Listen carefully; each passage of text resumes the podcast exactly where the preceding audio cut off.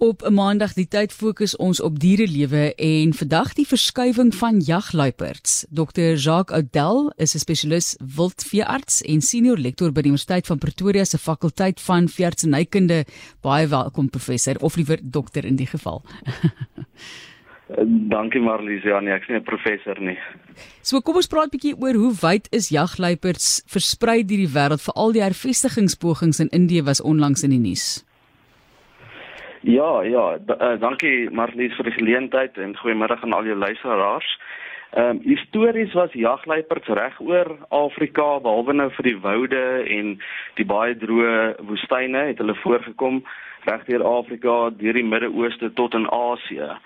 Ehm um, tans kom hulle net in minder as 10% van hulle voormalige verspreiding voor. Die meeste van daai jagluiperds kom natuurlik in Suidelike Afrika voor en in Oos-Afrika die spesies of die subspesies wat in Asië voorgekom het, um, is hoogs bedreig. Ehm um, daar is net 'n handjievol, ek dink 12 of 20 van hulle oor. So in Indië word hulle dus geklassifiseer as uitgewis op hierdie stadium, behalwe nou vir daai groepie wat so intoe geskuif is 'n paar jaar terug. Baie hartseer. Is dit alles dieselfde soort jagluiper dokter of is daar verskillendes soos wat met die luiper en die kleiner weergawe in die Kaap is? Ja, nee, jagluiperds is al dieselfde spesies reg oor die wêreld. Ehm daar is wel vier subspesies waarvan ons weet. Uh, drie van hulle kom in Afrika voor. Ehm um, die grootste groep is die die ene wat hier hier by ons kry.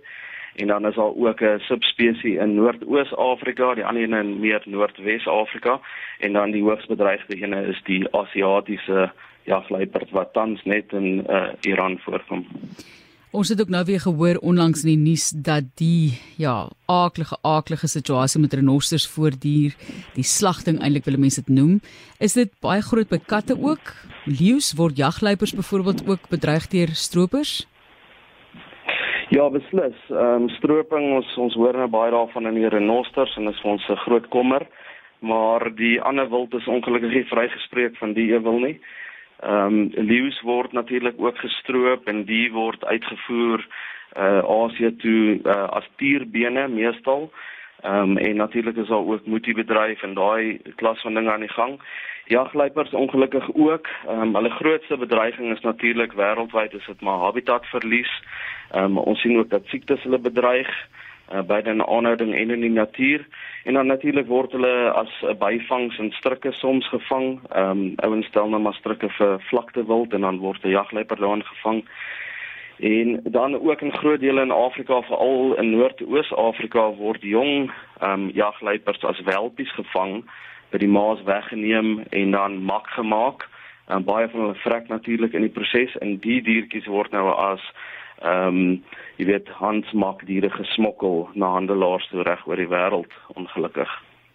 Dr. Jacques Odell praat met ons oor die verskywing van jagluiperds en dis nou waar ons volgende kom, die gebiede waar tussen hulle geskei word natuurlik om te sorg dat hulle genetika goed bly. Hoe gaan julle te werk met so 'n verskywing gegee hoe groot hulle is en al daai tipe van aspekte wat in ag geneem word? Ja, so, so jagluiperds word um, nogal gereeld geskuif. Ehm um, al die kleiner reservate en plase kan vrywillig deelneem aan 'n pro program wat ons die metapopulasie uh, projek noem. Hierdie projek word georkestreer deur 'n uh, organisasie the Metapopulation Initiative en hulle gebruik dan genetika van bestaande katte um, om dan te besluit watter katte moet geskei word na watter plase toe om inteling te vermy. Ehm um, en dan so verseker dit nou maar die vol, volhoubaarheid van hierdie kleiner populasies. En en tesaam al hierdie kleiner plase en reservate vorm dan nou een groot populasie wat wat as sulks as een uh, bestuur word. Ehm um, en dan om dit nou te skuif is 'n redelike proses. Ehm um, so hulle hulle verstaan nou die genetika agter dit en wie moet waarheen gaan, maar dan sal hulle nou nou keer nou saam met die veearts werk en die plaas om nou die spesifieke kat wat gevang en geskuif moet word nou te vang. En dit hang nou maar af of dit een dier is of dit meer is, dan sal hulle ou nou die dier van 'n bakkie afpyl of 'n voertuig af Uh andersins as dit 'n paar diere is of hulle is baie wild dan gebruik ons soms 'n helikopter om hulle mee te vang. Ehm um, soms vang ons hulle ehm um, op voet, ehm um, as jy nou loop en hulle pyl, maar dit uh, is nou nie iets wat te algemeen gebeur nie. Ja, julle moet dan baie interessante stories seker hê met hierdie verskywings, maar as 'n veearts dokter is jy betrokke by jagluiperds, is dit slegs by die verskywing of is daar ander dienste waarby jy dan ook betrokke is met wilddiere? Dink mense natuurlik nie dat hulle sommer met 'n veearts te doen kry nie.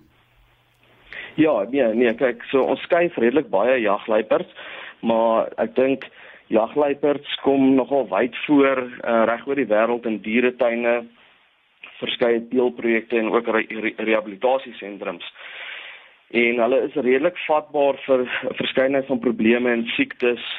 Ehm um, en as gevolg van dit sou ek sê jagluiperds is eintlik nogal 'n algemene spesies waarmee veeartse werk. Ehm um, is nou nie net met die verskywing nie. Ongelukkig is hulle ook dan nou soms siek pasiënte. Ehm um, en dit is redelik ja, ek sou sê is 'n redelike algemene wildsoort waarmee ons werk.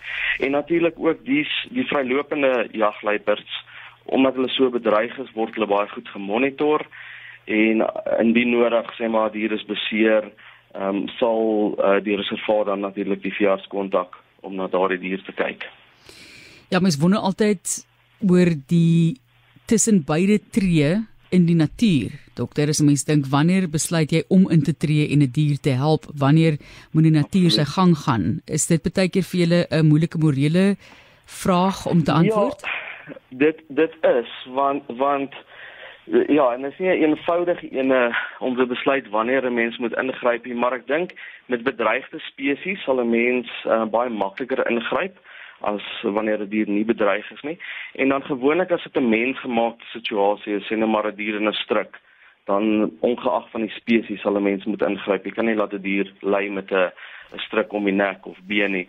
Maar waar 'n rooibok of iets na sy been gebreek het en is 'n normale proses, daai is 'n baie moeilike besluit wanneer gryp 'n mens in. As veearts wil jy altyd ingryp want ons is bekommerd oor die dier se welstand, maar ons weet daai goeders gebeur in die natuur en eendag van tyd met 'n leeu of 'n luiperd of in die geval hooplik nou 'n jagluiperd omvang en eet. Hoe suksesvol is daai verskywings en hervestiging van jagluiperds binne Suid-Afrika? Uh tans is dit sou ek sê 'n redelike sukses. Ehm um, histories nie so baie nie as jy kyk na die uh vanaf die mid 60s tot laat 90s. Die eerste 10 pogings en dit was groot pogings om jagluipers te hervestig reg oor die land het dit totaal en al geflop. En maar die laaste 20 jaar sou ek sê is die sukses van al baie van dit nou baie baie meer. Maar as jy dit vergelyk met ander wildspesies is ons risiko baie meer met jagluipers. Hulle is baie sensitiewe diere, hulle is vatbaar vir verskeidenheid probleme.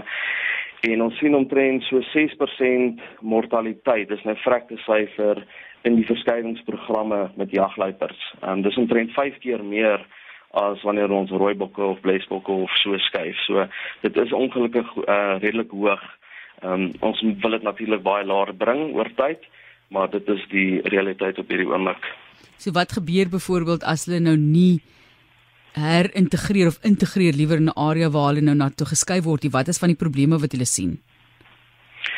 So so die die plekke waar jy ons hulle skei ons ons nou van van wilde vrylopende jagluipers praat dan die bestuur agter dit was so goed dat hulle sal nie 'n besluit maak om 'n kat te skuif of katte te skuif na 'n area toe waar hulle nie sal aanpas nie. So die aanpassing is redelik goed, maar hulle is redelik vatbaar vir vir die middels wat ons gebruik, uh die die die vangproses.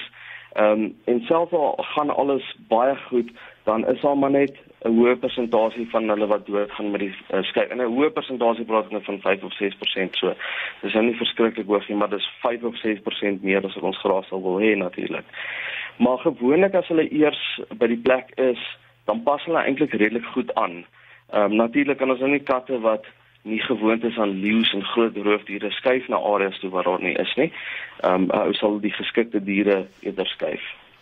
Kan jy ons laasens net 'n bietjie vertel van die jagluiperds waarby jy tans betrokke is of herskuiwingsprojekte wat jy tans mee werk? Ja, ons is uh, betrokke by 'n verskeidenheid van projekte, um, maar die mees onlangste wat waar ons nou self betrokke by was was um, vier jong mannetjies wat van Rietvlei Natuurreservaat in Pretoria afgeskuif het. Ehm um, en daar twee van die mannetjies is Oos-Kaap toe en twee is Limpopo toe. Ehm um, dit is so om by 2 maande terug. Hulle het ehm um, sover baie mooi aangepas die twee koalisies. Ehm um, en dit lyk of dit 'n groot sukses sal wees, ja.